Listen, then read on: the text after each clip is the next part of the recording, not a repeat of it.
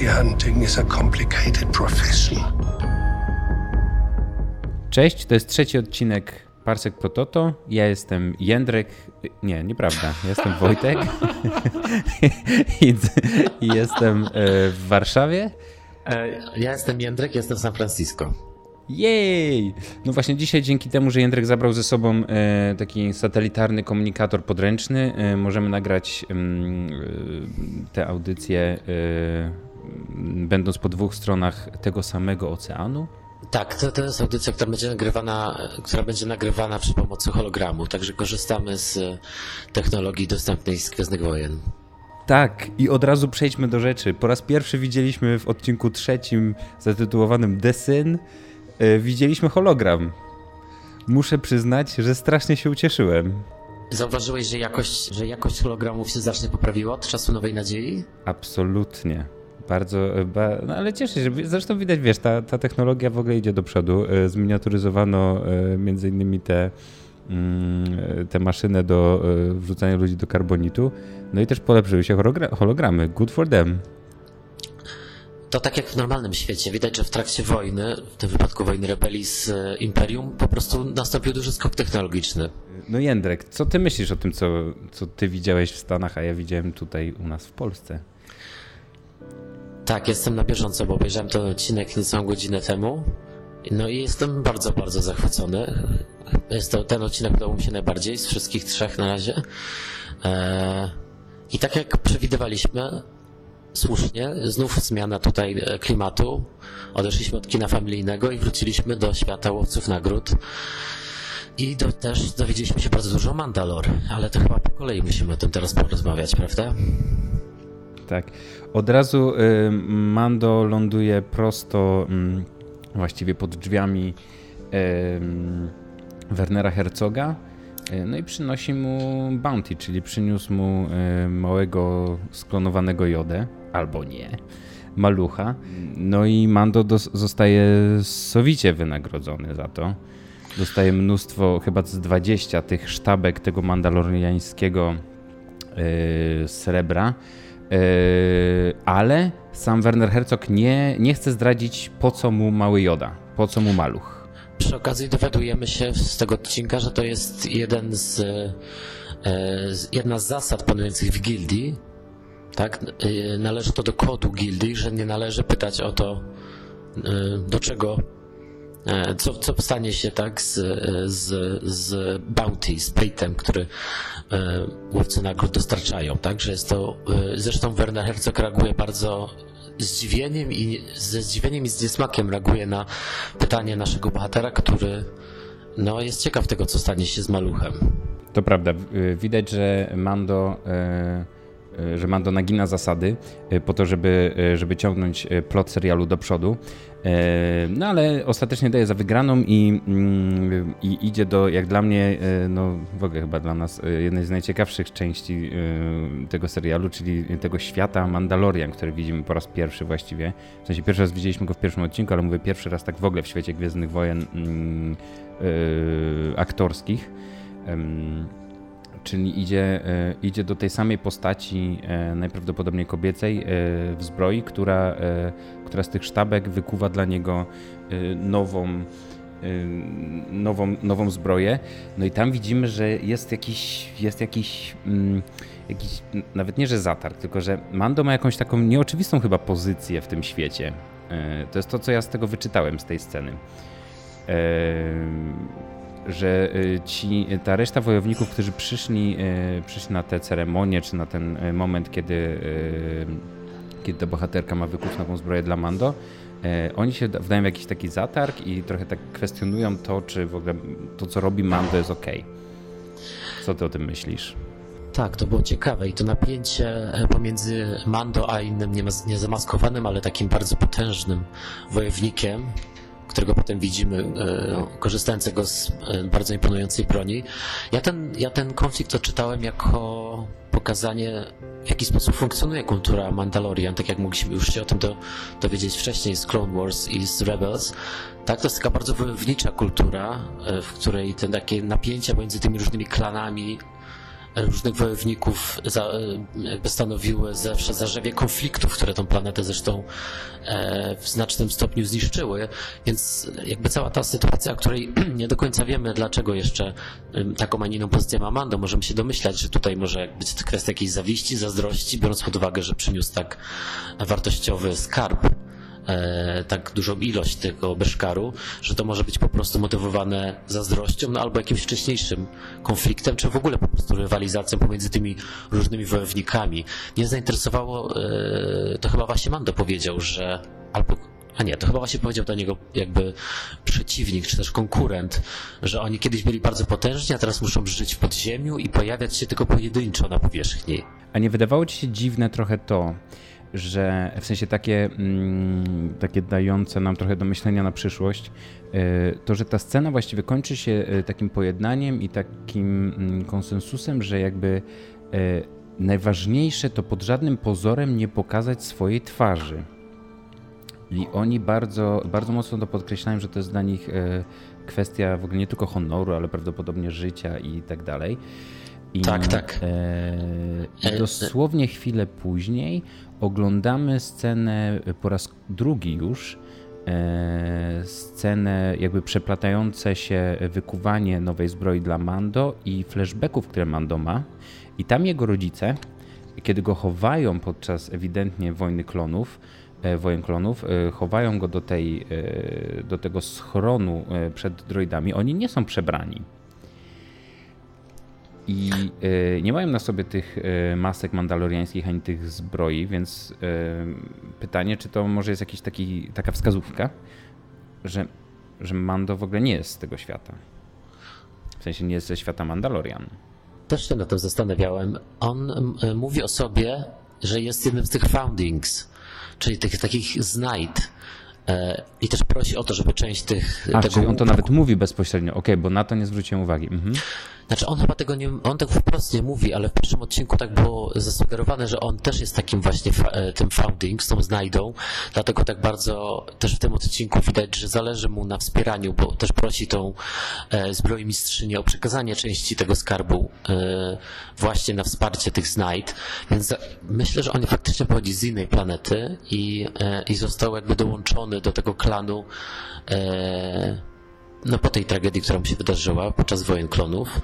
E, I może dlatego też bierze się tego słabsza pozycja, że on należy do jakiegoś takiego e, gorszego sortu Mandalorian, nieurodzonych na planecie, tak? Być może tam istnieje bardzo silne takie przywiązanie narodowe, e, czy nawet nacjonalistyczne wśród Mandalorian. Dowiadujemy się, dostajemy jakby kolejny fragment łamigłówki dotyczącej tego, czym było The Great Purge, które się wydarzyło w Mandalore.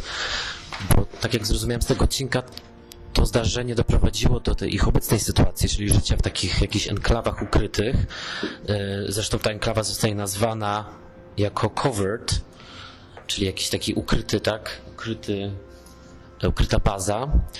I, że, I też w wyniku The, the, the Great Purge Mandalorianie stali się, są zarówno y, łowcami, jak i zwierzyną łowną, tak? Tam jest powiedziane, że, że oni są both hunter and prey i dlatego tak, y, tak bardzo dbają o to zachowanie jakby tajemnicy swojego zarówno pochodzenia, jakby, y, jak rozumiem, też siedziby swojej, ponieważ oni też są w niebezpieczeństwie, nie wiem jeszcze czemu. Jaki konflikt polityczny czy wojenny do tego doprowadził. Natomiast e, podoba mi się, że ten serial e, tak powoli nam takie różne e, wskazówki i, i podrzuca.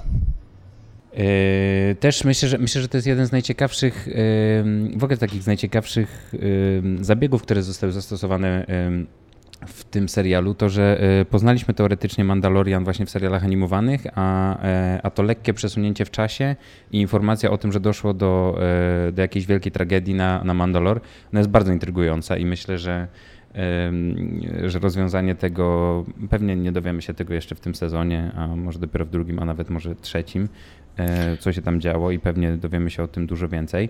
Dla mnie tragedią jest to, że ta droga Mandalorian The Way of the Mandalore, do której oni się odwołują, czyli jak rozumiem takich kodeks, zakłada właśnie to, że nie można nikomu pokazać twarzy. e, to, co, o czym mówiłeś, tak? Podkreślanie tego, że ani nikt tobie tego hełmu nie zdjął, ani ty nie zdjąłeś nigdy tego hełmu. I on potwierdza, że tak, nigdy nie zdjął hełmu. Dla mnie osobiście jest to tragedia, bo to pokazuje, że być może naprawdę nie zobaczymy twarzy Pedro Pascala przez cały sezon Mandaloriana. Nie, to jest w ogóle niemożliwe. Przecież byśmy się zapłakali chyba, gdybyśmy go nie zobaczyli przez cały ten serial. Nie może tak być. Chociaż, no nie wiem, no jakby nie wiemy, co oni dla nas szykują. Może faktycznie będziemy musieli czekać aż do drugiego y, sezonu. M może This is the way. Ale trzeba przyznać, że jednak, y, jednak jak, na, jak na postać, której twarzy nie widzieliśmy od początku serialu ani razu, ma w sobie zaskakująco dużo w ogóle głębi i niuansów. Jak na faceta za żelazną maską. To prawda, chyba jeszcze o tym nie rozmawialiśmy, że ten, że ten wybór żeby główny bohater właśnie nie miał twarzy, jest takim bardzo ciekawym zamysłem ze strony twórców serialu, bo faktycznie utrudnia on z jednej strony nam, widzom, e, utożsamianie się, nawet przede wszystkim poprzez jakby brak możliwości e, odczytania emocji z jego twarzy, o czym on może myśleć, tak? To, w tych takich e, częstych już po trzech odcinkach można powiedzieć częstych scenach, w których on w ciszy kontempluje coś, zazwyczaj lecąc, e, pilotując swój statek, dużo kontempluje, mam wrażenie, no to my jako widzowie w ogóle nie mamy dostępu do żadnych emocji i myśli, e, które się mogą kryć za, za jego działaniami, więc e, więc to jest bardzo, wydaje mi się, ciekawe rozwiązanie i bardzo mi się podoba, ale tak jak mówisz, zgadzam się, już całkiem sporo się o Mando dowiadujemy. Wydaje mi się, że cała jego sympatia do malucha, która, e, przez którą, jak rozumiem, wydarza się tytułowa w tym odcinku, ten tytułowy grzech, The Sin, czyli złamanie zasad gildii, że cała ta sympatia czy jakaś więź porozumienia być może bierze się z tego, że on, on, on jako sierota również czuje jaką, jakieś powiązanie z, z tym biednym dzieckiem, e, które właśnie, może porozmawiajmy o tym, co miało spotkać malucha w rękach doktora Pershinga, bo to było dosyć intrygujące. Właśnie, co miało go spotkać? Z rozmowy, którą podsłuchał Mando, jak się okazuje, jego wspaniała broń dezintegrująca również e, umożliwia mu podsłuchiwanie przez ściany. Tam była rozmowa o tym, żeby wyciągnąć coś z, z tego młodego, nie wiem, czy jakąś sekwencję, czy będziemy się bawić w gwiezdnowojenne DNA teraz. E, nie do końca wiadomo. Ta, y, y, pojawił się znany nam z y, Nowej Nadziei droid służący do, do torturowania, ten droid naszpikowany strzykawkami. Tutaj też miał, jak rozumiem, był, miał, miał być on wykorzystany, żeby przeprowadzić jakąś operację na maluchu. Operację, którą powstrzymał Mando w całej no, wspaniałej sekwencji w ogóle ataku na siedzibę Wernera Herzoga. Tak, zaskakujący powrót y, droida. no i jakby nie wiem, no mi się wydaje, że tam jednak, y, jednak to jest y, to jest ten klo, to jest, to jest wątek z klonowaniem, że to co, to, co tam oglądamy, to, to jednak do tego wszystkiego prowadzi, no ale czy oni chcą dopiero go sklonować, czy on już jest klonem? E, zresztą właśnie dowiadujemy się jego płci, tak, e, z, tej, z tego, co, e, co oni tam mówią, ponieważ zwracają się do niego jako hi. Tak, faktycznie, masz rację, przegapiłem to, że poznaliśmy płeć malucha, jodziątka, czyli właśnie będzie to raczej jodziątko niż jadlątko, no jak to nie wiem jeszcze do, do, czego ono, do czego jest potrzebne to dziecko Imperium, natomiast yy, no bardzo się cieszę, że yy, został wyrwany z rok Imperium. Cała ta sekwencja w ogóle yy, napadu na bazę bardzo była ciekawa. Mm, wcześniej ktoś pisał do nas, że, że Mando po tych pierwszych dwóch odcinkach można było powątpiewywać, czy Mando tak naprawdę jest tak skutecznym mówcą nagród, jak zdają się sądzić o nim E, inni bohaterowie, zleceniodawcy, którzy cały czas, e, tak Werner Herzog też e, cały czas podlizuje się w pewnym sensie Mando, wychwalając jego zdolność i, i postępowanie zgodnie z kodeksem i tak dalej. A w pierwszych dwóch odcinkach widzieliśmy, że go też w takich sytuacjach, w których sobie nie radził, szczególnie w drugim odcinku, kiedy walczył z tą bestią, która została w tym zresztą odcinku zidentyfikowana jako Matt Horn. No ale ta sekwencja ataku pokazała, że po pierwsze, Mando bardzo dobrze sobie radzi w mordowaniu szturmowców. E, to po pierwsze. Po drugie, że robi to na bardzo, e, że jest bardzo pomysłowy w, w tym, jaki sposób zadawać śmierć oraz po trzecie, że ma naprawdę imponujący arsenał różnych broni. Tak, tutaj dwie rzeczy y, mi się nasuwają. To y, przede wszystkim y, doskonała scena, kiedy mm, Mando wchodzi z powrotem do baru już w nowej zbroi i wszyscy na niego patrzą. I totalnie mu zazdroszczą jego, jego doskonałej e, zbroi. Po prostu wszyscy mają szczęki na podłodze praktycznie. E, no, ale no i druga świetnie. rzecz. E, wygląda świetnie faktycznie. Wygląda świetnie. To w ogóle nie ma, nie ma co kwestionować. No i druga rzecz, to co mówisz o broniach, faktycznie ta broń, której on używa, która mu się tak wysuwa mm, z ręki, której już używa później w, w walce, gdzie udowadnia, najpierw w ogóle walcząc e, ze e, Stormtrooperami, a później z, z innymi łowcami nagród, którzy wszyscy mają na niego, na niego zlecenie, ma, używa, używa takiej broni, która jakby się która jakby namierza wszystkich jego wrogów naraz, wystrzelona z ręki, trafia w każdego z nich. I ta broń działa na identycznej zasadzie jak broń, której y, używał y, Django Fett w y, ataku klonów y, w swoim statku, którego wszyscy mnie zastrzelą. Y, nazwy teraz nie pamiętam, ale statek Boby Fetta, będziesz na pewno wiedział. robił dokładnie Slave. to samo, też tak strzelał i jakby. Tak, Slave. Y, strzelał i jakby namierzał, namierzał wroga. To jest chyba, to jest chyba broń, która jest y, typową bronią dla Mandalorian, bo on ją otrzymuje w tym odcinku, bo to jest też jest broń przetopiona z tego, z tego beszkaru, który on dostarczył.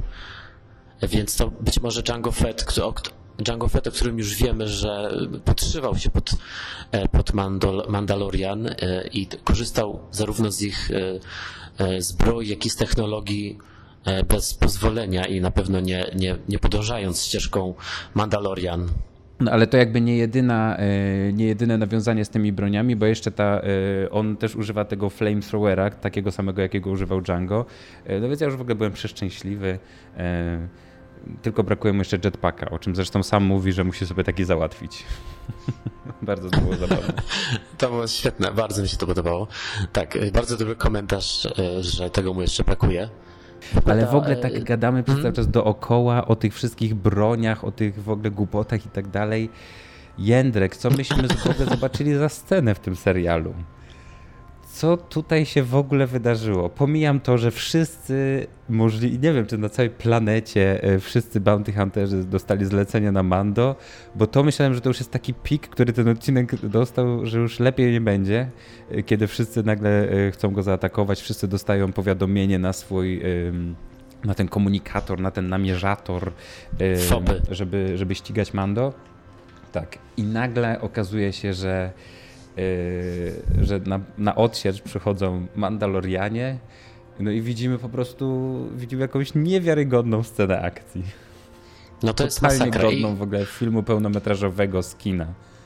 Tak, ta, y, pojawienie się Mandalorian no to była masakra po prostu i w dosłownym znaczeniu tego słowa, bo ci łowcy nagród nie mieli z nimi szans. Dosłownie. E, no pięknie e, się zjawili, połowa na jetpackach, połowa z jakimiś brońmi, których dotąd nie widzieliśmy. E, no i to też było ciekawe zestawienie z wcześniejszym jak konfliktem, czy jakimiś niesnaskami pomiędzy nimi jeszcze w bazie, a tym okazem lojalności. W momencie, w którym jest zaatakowany jeden z nich, reszta nawet zjawia się, żeby go uratować, żeby go wesprzeć, żeby e, wymordować jego wrogów, pomimo tego, że mm, pomimo tego, że rezultatem tego będzie e, no będzie ujawnienie swojej obecności na tej planecie i tak jak możemy się domyślać, będą oni zmuszeni teraz opuścić tę planetę, znów której nazwy nie znamy nadal, tak, co mnie bardzo to irytuje. Jakby Y, waga całej sytuacji jest naprawdę ogromna, ponieważ wcześniej się faktycznie dowiedzieliśmy, że oni, oni żyją w ukryciu i że to jest w ogóle esencja ich przetrwania. I, I to, że oni wychodzą po to, żeby pomóc Mando uciec z tym burrito, bo y, mały Joda, maluch jest taki zawinięty w to burrito i on tak przez czas go podrzuca. I, I, on, żeby uciec z burrito, postanawia, y, w sensie oni wszyscy po prostu mu pomagają y, w tej jednej misji. No i w ogóle jakby też e, to skąd się to bierze, czyli to, że Mando, widzimy u niego takie faktycznie to zawahanie, no w sensie on ma jakiś taki ogromny konflikt w sobie, czy wrócić po malucha, czy po niego nie wracać, ale jednak po niego wraca i my to wszystko widzimy na tej nie twarzy, tylko na tej masce. wymalowanych po prostu tyle emocji. No, nie wiem, jak oni to robią, ale po prostu ym, naprawdę waga emocjonalna też jest, też jest niemała, mimo że y, nie widzimy twarzy ani jednego Mandalorianina, a wiemy, że wszyscy walczą w jednej sprawie i że są bardzo zaangażowani. I wiemy, że emocje nimi targają. To na pewno. No wiesz, to też jest takie fajne tak. po prostu wykorzystanie jakichś takich detali, szczegółów, bo symbolem e, tego e, wewnętrznego konfliktu, o którym mówisz, Mando, stała się ta, ta, ten taki przełącznik, czy wajcha z jego statku, E, nie wiem, skrzynia biegów, jedna z wielu skrzyń biegów, e, którą się bawił maluch. I jeśli dobrze pamiętam, to on właśnie kontemplując po raz kolejny w ciszy e, na pokładzie swojego statku co te, dalsze poczynania, właśnie patrzy na tą wajchę i ta wajcha mu przypomina o tym, że jest taki sam jak my, czyli też po prostu uważa, że maluch jest przesłodki nie powinien skończyć jako e, obiekt e, knowań imperium, jakichś e, kroniarzy. Cholera jeszcze wie, kto, kto tutaj będzie za to odpowiedzialny. E, no i dlatego go ratuje, co właśnie doprowadza do tej strzelaniny, która faktycznie była naprawdę imponująca. Bardzo, bardzo świetna scena akcji. Jak ją porównać z pierwszym odcinkiem, no to Deborah Chow tutaj moim zdaniem o wiele lepiej sobie poradziła jest to oczywiście inny klimat niż ta strzelanina z pierwszego odcinka, która była taką westernowym bardziej napadem.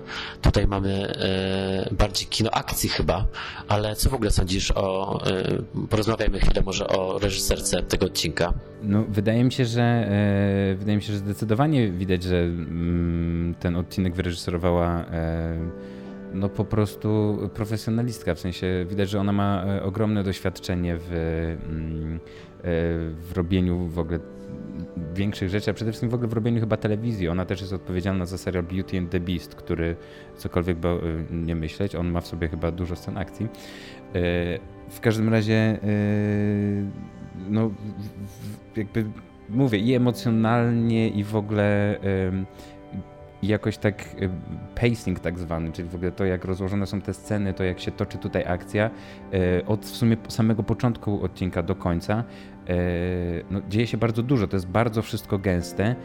I, I też trochę nawiązując do zeszłotygodniowego odcinka, ja mam wrażenie, że e, dopiero w tym układzie, kiedy widzimy pierwszy, drugi i trzeci odcinek, też zeszłotygodniowy, moim zdaniem nabrał, e, nabrał bardzo dużo. W sensie trzeci odcinek, prawie że drugi odcinek jest lepszy. Ponieważ my dzięki całej przygodzie, którą Mando przeżywa E, e, przeżywa w drugim odcinku. Wiemy trochę o nim więcej, wiemy też jakby skąd się bierze jego zaangażowanie w to dziecko. E, i to, że spędziliśmy z nimi te 20 minut w, tej mm, małej przygodzie z Javami jest, jest naprawdę no tutaj, tutaj, tutaj się opłaciło w tym trzecim odcinku i, i było, było tak naprawdę świetną podbudową przed tym i takim momentem na oddech, e, po to, żeby tutaj władować dużo akcji, ale też dużo informacji. E, I naprawdę jakoś bardzo zgrabnie się to układa. Mam wrażenie, że ten serial e, w ogóle będzie jeszcze zupełnie innym doświadczeniem, jak się, jak się tak mm, po polsku powiem, zbinge-watchuje wszystkie odcinki naraz, bo bo ta historia jeszcze inaczej się ułoży niż, niż to, jak się na nią czeka co tydzień na jeden odcinek. Tak, myślę, że to jest dobry pomysł na przyszłość, że jak już będziemy mieli cały sezon, żeby zrobić sobie taki binge-watching, e, obejrzeć e, całość serialu, odcinek po odcinku bez przerwy i wtedy nagrać ostatni podcast podsumowujący ten serial, bo być może uda nam się wtedy wyłapać różne rzeczy, które przez te tygodniowe przerwy e, gdzieś tam znikają. I tak jak właśnie mówisz, ta narracja jednak jest rozpisana w taki sposób, że, że kolejne odcinki właśnie pokazują e, istotność wątków, które przy takim patrzeniu na nie, e, na te odcinki jako, jako pojedyncze jakieś narracje, faktycznie nie są, jakby te, te powiązania nie są wtedy widoczne. I, i zgadzam się, że, że sukces tego odcinka nie byłby możliwy bez tego, co drugi odcinek podbudował, bo inaczej e, decyzja Mando o, o, o tym, żeby zerwać z obowiązującym go kodem łowców nagród, a co gorsza, narazić swoich braci i siostry na, na, na konsekwencje te, tego, tej decyzji, no nie byłby tak zrozumiały, jak, jak potem, kiedy nie dość wiemy, może w sensie nie wiemy, ale zaczynamy się domyślać, skąd się biorę, bierze to emo, emocjonalne powiązanie Mando z, z Jodą, Jodziątkiem, z Maluchem, tak? Czyli być może z jakichś podobnych e, doświadczeń z młodości. No a po drugie też e, to, co jeszcze nie zostało e, przez niego wypowiedziane, ani nazwane, ani w ogóle przez, również przez imperialnych, czyli to, że to nie dość, że jest Maluch z jakiejś bardzo tajemniczej rasy czy tajemniczego gatunku, ale posiada on też moc. I Mando jako jedyny póki co był świadkiem te, wykorzystania przez malucha tej mocy. E, no i to już jest przecież czas, w którym chyba e, jednak większość galaktyki już znowu sobie przypomniała o istnieniu mocy i Jedi po tym okresie amnezji e, niezrozumiałej, kiedy Obi-Wan w Nowej Nadziei mówi, że Jedi to, leg to legenda, prawda? No ewidentnie tutaj e, jakby e, w tym świecie już się chyba nauczyliśmy tego, że jak coś, e, jak coś znika na, na jakiś czas, to wszyscy zaczynają myśleć, że to jest legenda. Podobnie było w, w Przebudzeniu Mocy, kiedy Rey oświadczyła Hanowi Solo, że myślała, że Luke Skywalker to jest legenda, a w ogóle nie była też w sumie pewna istnienia samego Hanna Solo. No więc to tak jest, tak się powtarza w tym świecie, więc cieszę się. Na pewno już za chwilę się okaże, że sami Mandalorianie są w sumie legendą, bo nie było ich może przez kilka lat, albo po prostu się ukrywają. No więc to takie ten. No ale e, tak, jakby no tak, to jest, tak, to mówisz, czyli, to jest, to jest, czyli jest świat, w którym bardzo łatwo jest e, w którym bardzo łatwo jest powołać nową legendę do życia. Tak. Y, ja jeszcze chciałem y, tak, y, tak zupełnie, no nie wiem czy tak zupełnie technicznie, ale chciałem zwrócić uwagę na, na rzecz, która bardzo mnie, jakby no od początku w sumie widzimy jak ten serial jest nakręcony, ale, ale w tym odcinku myślę, że jakoś tak naprawdę na pierwszy plan wybijają się zdjęcia. One są jednak wprowadzają coś nowego. Zdjęcia do, mhm. do, do, tego serialu robi e, Greg Fraser, czyli e, autor zdjęć do Rogue One. I, e, i mam wrażenie, że to, A, to, to tutaj chyba najbardziej widać, że, tak, że tutaj to po prostu już widać, że to, to jest takie jak Rogue One. Wcześniej, wcześniej to w sumie nie było, nie było takie oczywiste, ale no prześlicznie jest nakręcony ten odcinek i nawet jeżeli jesteśmy znów w tych samych miejscach, E, to też mimo, że te odcinki są takie krótkie, ja w ogóle mam takie wrażenie, że o, już znam te miejsca, już wiem, gdzie jesteśmy, e, już czuję się tak, tak trochę zadomowiony w tym nowym świecie, który mi, który mi ta, ta nowa iteracja Gwiezdnych Wojen gdzieś proponuje. Zaraz jak się skończył ten odcinek, przypomniałem sobie, że Deborah Chow e, będzie reżyserowała cały, cały serial o, o o ile to się nie zmieni, bo wiadomo, że są Gwiezdne Wojny, więc to wszystko jeszcze do, zanim ten serial się pojawi, może zmienić pięć razy. E, I, I, bardzo mnie to cieszy, bo widać, że ona ma jakieś, no, fajne ma wyczucie, świetnie reżyseruje sceny akcji. Nie wiem, jak jest w tym serialu, czy ona ma drugą ekipę do robienia scen akcji, tak jak to bardzo często bywa, e, ale jeżeli tak, to, e, to nic, bo to jest, bo to jest świetnie wmiksowane w całą opowieść i, i te małe rzeczy, tak jak mówiłeś wcześniej, czyli E, czyli to, że na samej, na samej tej kulce od joysticka budujemy jakąś więź emocjonalną między jednym bohaterem a drugim. Mm, no to jest jakieś, to jest jakieś takie, no jak na ten świat, jak na to, co widzieliśmy już w niektórych odcinkach Gwiezdnych Wojen, to jest dosyć subtelne i takie, e, takie przyjemne do oglądania. Też się cieszę, że, e, że Deborah Chow tak się dobrze sprawdziła, bo to faktycznie dobrze wróży serialu Obi-Wan. No i faktycznie chyba Ewan McGregor musi już pędzić na siłownię, bo jeśli tyle akcji, e, tyle scen akcji będzie w tym serialu, no to będzie miał co robić Obi-Wan. Chciałem jeszcze się odnieść do tego, co mówiłeś o tym, jak był nakręcony ten serial. No, bardzo mi się podobała ta sekwencja wkradania się i e, eliminowania po kolei szturmowców, bo no było to bardzo tak fajne w tych, tych mrocznych odcieniach. to chowanie się za tymi różnymi tam jak to w świecie Gwiezdnych Wojen zawsze wszędzie jakieś leżą niewi niewiadomych z niewiadomych powodów wszędzie są, leżą jakieś kartony i inne pudła, za którymi może się schować łowca nagród, no ale cała ta sekwencja właśnie w, w ciemności nakręcona w tej bazie bardzo mi się podobała. E, podobała mi się też brutalność, z jaką on mordował tych szturmowców, bo e, jeśli się nie mylę, to nie widzieliśmy jeszcze, zazwyczaj szturmowcy są po prostu eliminowani za pomocą e, strzału z blastera, e, kiedy strzela, strzelają się główni bohaterowie, e, no to zazwyczaj trafiają tych szturmowców i te zbroje na nic się nie przydarzają. A tutaj widzieliśmy Mandaloriania, który oczywiście też ich e, eliminował z blastera, ale również jednego, jeśli e, jednego e, jed, zabił za pomocą noża, jednego spalił swoim flamethrowerem. Także bardzo były brutalne te, e, była ta brutalna ta sekwencja, świetnie nakręcona, tak jak mówisz. E, naprawdę e, scena, sceny akcji w tym odcinku to dobra zapowiedź zarówno dla dalszej części tego serialu, no jak i dla Obi-Wana, o którym jeszcze nic nie wiemy.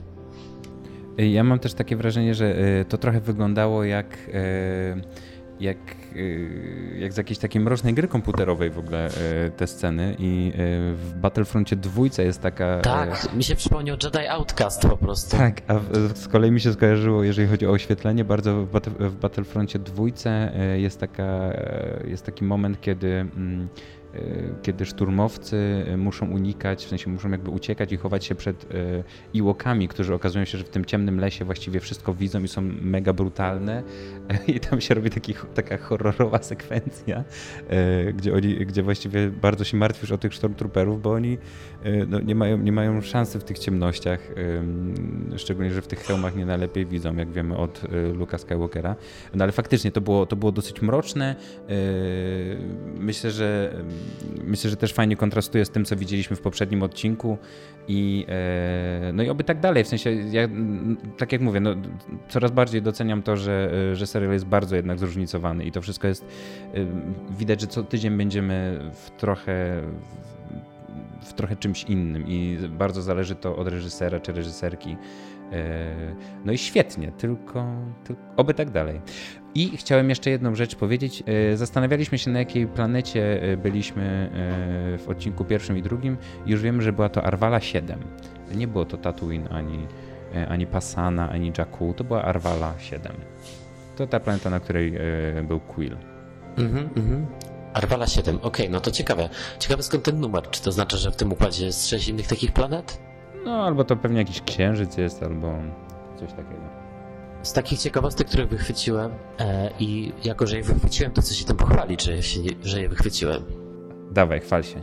W, no, w, w, pierwszej sekwencji, jak Mando ląduje z powrotem na planecie, o której, której nazwy nie znamy, e, w tle pojawia się statek Quad Jumper z, z Force Awakens. To jest ten statek, do którego biegnie Rey i, e, i Finn E, który zostaje wysadzony w powietrze, przez co oni muszą e, uciekać. Ach, to ten, okej. Okay. Uciekać na Sokole Millennium, więc fajnie było to wychwycić. A druga rzecz, która bardzo mnie zaintrygowała, to sugestia, e, że Mando po prostu wychillował, dał sobie teraz chwilę spokoju, którą mu ten zleceniodawca daje, to w sensie sugeruje mu, żeby odpoczął chwilę Mando i, i oferuje, że załatwia, załatwi mu wizytę w łaźniach Twi'leków, które zrozumiałem są tak, jakąś, e, chyba jakąś wersją e, Gwiezdnowojennego burdelu. Tak, e, no i to chyba po prostu rozumiem, że jest, to jest pociągnięta ta myśl z powrotu Jedi, gdzie, e, gdzie Twi'lekianki tańczyły dla Jabby, a w Mrocznym Widmie e, masowały Sebulbę, więc yy, jeżeli, no, Seksualizacja taki, Twi'leków po prostu. Raso... Tak, no i po prostu jakaś taka, jakaś taka rasowa specjalizacja. No. Ale w tym, yy, w tym sezonie, z tego co pamiętam, po prostu su, poznamy jeszcze, poznamy jeszcze łowczynię nagród Twi'lekankę, także yy, może uda się zerwać temu serialowi z, tego, z tym stereotypem kultury Twi'lek. Zobaczymy, może jest i świetna, e, świetną, świetną łowczynią nagród i, e, i świetną jakąś taką pracownicą łaźni. Nie wiadomo. No to ja mam tylko jeszcze jedną e, poradę dla, dla Mandalorianina, bo już mnie to irytowało od e, pierwszego odcinka, a w tym odcinku okazało się, że miałem On rację. słucha tego, on słucha naszego podcastu, więc on weźmie sobie do serca na przyszły tydzień, więc e, dawaj. No słuchaj Mando, jak, jak opuszczasz swój statek, to zamykaj drzwi, bo cholera jasna ktoś ci może wejść bez problemu i e, zaczaić się tam na ciebie. Niczego się nie nauczył po e, konfrontacji z działami, no. Tak, dokładnie pomyślałem o tym samym, że po prostu niczego go nie, nie nauczył poprzedni odcinek. Także cieszę się, że, e, że zwróciłeś na to uwagę i że, e, i że Mando już od przyszłego tygodnia nie będzie tego robił, bo, e, bo no, to jest po prostu nierozważne w tym świecie, wszystko się może zdarzyć, więc, e, więc tak. E, ja myślę, że będziemy się zbliżali powoli do końca. E, To w takim razie na powiem, koniec może zastanówmy się, może zastanówmy się Tak? na koniec, e, co nas teraz czeka, bo wydaje mi się, że naturalną koleją rzeczy, jeśli Mando teraz wszedł na ścieżkę wojenną z pozostałościami Imperium, no to jeśli gdzieś ma e, szukać teraz wsparcia, to chyba wśród rebeliantów. Myślisz, że dołączy do rebeliantów? Będzie ich szukał teraz? No będzie musiał szukać jakiegoś schronienia. Nie wiem, gdzie on poleci. Skoro musiał opuścić tę planetę, to nie wiem, gdzie się schowa. No zapowiada się, że ten konflikt z Imperium teraz się rozkręci, bo jeszcze nie, nie poznaliśmy jeszcze postaci e, Mofa, który będzie dowodził tym, e, e, e, tą drużyną e, Tak. tych czarnych szturmowców, których znamy z, z Rogue One, Y, Death Troopers. właśnie Death Troopers. E, więc myślę, że, że będziemy jednak e, musieli razem z Mando mm, odejść trochę z, z tej ścieżki e, łowcy nagród i e, wciągnąć się w ten konflikt, e, który będzie dział się gdzieś w tych rubieżach. Właśnie podobało mi się jeszcze to odniesienie, że czy taka sugestia znów ze strony tego jego zleceniodawcy, że jeśli tak się martwi los tego jody, e, jodziątka, naszego malucha, no to zgłoś to do Nowej Republiki. The Core, tak, czyli jak rozumiem centrum galaktyki, które należy do Nowej Republiki i The Core jako odwrotność Outer Rims, gdzie dzieje się akcja Mando. Bardzo mi się e, podobało. Pierwszy raz, e, no w sensie jakby w tym timeline, to pierwszy raz ktoś wspomina o Nowej Republice, co mnie bardzo cieszy. E, no i faktycznie, jakby ja, ja trochę nie mam pomysłu na to, co się będzie działo dalej. Mam nadzieję, że, że właśnie w sensie ten, ten trop, że on wyląduje u rebeliantów, bardzo mi się podoba. Mm, Wie na, to, wie na pewno za to, co się wydarzy dalej Bryce Dallas Howard, która jest reżyserką przyszłotygodniowego odcinka. I przyznam, że bardzo, bardzo, bardzo czekam na ten, e, na ten odcinek, bo, bo to jest jakiś nieoczywisty wybór. Jej ojciec wyreżyserował już, e, wiadomo, Hanna Solo. Ona wyreżyserowała tylko kilka odcinków różnych seriali, więc to chyba dla niej będzie pierwsza taka duża forma. Ale właściwie nie odnotowaliśmy, nie powiedzieliśmy tego tak głośno, że e, to, co dzisiaj zobaczyliśmy, ten póki co najlepszy odcinek Mandaloriana, e, jest e, debiutem reżyserskim kobiety w tej świecie. Więc to świetny debiut. To brawa dla Debry Show. No naprawdę y, bardzo mi się podoba to, w jaki sposób mm, weszła do tego świata. Na pewno też po obejrzeniu całości będzie nam łatwiej stwierdzić, y, na ile te takie właśnie różnice między tymi odcinkami są faktycznie wynikają z jakichś decyzji reżyserskich, a na ile to jest część tej całej opowieści, bo no, wspomniałeś o autorze zdjęć, rozumiem, że ten autor zdjęć e, kręci cały serial. Więc duża część Tak. tej estetyki też jest, e, dużą część tej estetyki jest e, rezultatem jego jakichś działań, wyborów i tak dalej. Na pewno będzie mówił, chyba chodzi mi o to, że będzie fajnie nakręcić też, e, przepraszam, e, nagrać jeszcze odcinek podsumowujący cały sezon, jak już poznamy e, historię. E, No dobra, to chyba będziemy kończyć e, ten e, specjalny odcinek, który, którego nagranie było sporym mimo wszystko wyzwaniem. Biorąc pod uwagę, że właśnie ja Cię słyszę na słuchawkach, a nagrywam się na dyktafon, a Ty biedny Wojtku będziesz to musiał wszystko teraz złożyć w całość trzeciego odcinka. Ale obiecuję, że zrobię to bardzo szybko i że odcinek specjalny prosto z Ameryki, a właściwie e, zrobiony na moście między Ameryką a Polską, e, będzie e, jak najszybciej dostępny na naszej stronie, a właściwie już jest. I oczywiście zachęcam do lubienia go i słuchania i tam subskrybowania, gdzie się da. No i Jędrek, ja jeszcze mam dla ciebie takie zadanie, no bo ty jesteś jednak w San Francisco. W San Francisco jest siedziba Lucasfilmu. Jak możesz i jakbyś miał czas, to postaraj się załatwić wcześniej te wszystkie odcinki od nich. To sobie obejrzymy i nagramy wszystkie odcinki podcastu też od razu i będziemy w wrzucimy jako pierwsi i wtedy jakby też będziemy mieli większą słuchalność i tak dalej. I możesz też wykraść y, y, The Rise of Skywalker, bo chyba już powinien być w miarę skończony. Nie ma sprawy, nie ma sprawy, dlatego fejmu na sieci postaram się to załatwić. E, następny odcinek będziemy już nagrywać, mam nadzieję, w klasycznym układzie, e, nie oddzieleni dziewięcioma godzinami i e, wieloma kilometrami. No i nie mogę się doczekać. Będzie to, będziemy w przyszłym tygodniu już w połowie serialu, więc i fajnie, i powoli smutno. Tak, ale jak wiadomo, grudzień w ogóle będzie też pełen, pełen gwiezdnowojennych atrakcji, więc no nic, czekamy i, i do usłyszenia za tydzień. We have spoken. We have spoken. Bounty hunting is a complicated profession.